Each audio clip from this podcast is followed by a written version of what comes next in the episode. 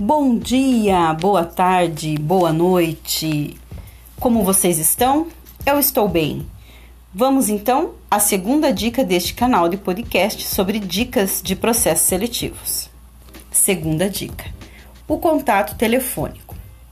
Ao informar o seu número de telefone no currículo, certifique-se que o mesmo esteja habilitado, ativo. Ué, como assim? Você pode achar estranho, mas acontece constantemente. As pessoas disponibilizam seu número e não verificam se está ativo. E quando nós, recrutadores, vamos iniciar os contatos telefônicos, pasmem, telefone inexistente. Outra dica: verifica se o seu número de telefone está habilitado para o WhatsApp também.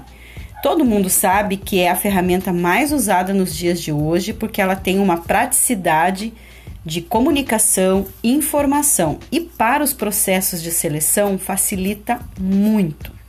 Mas tenha cuidado.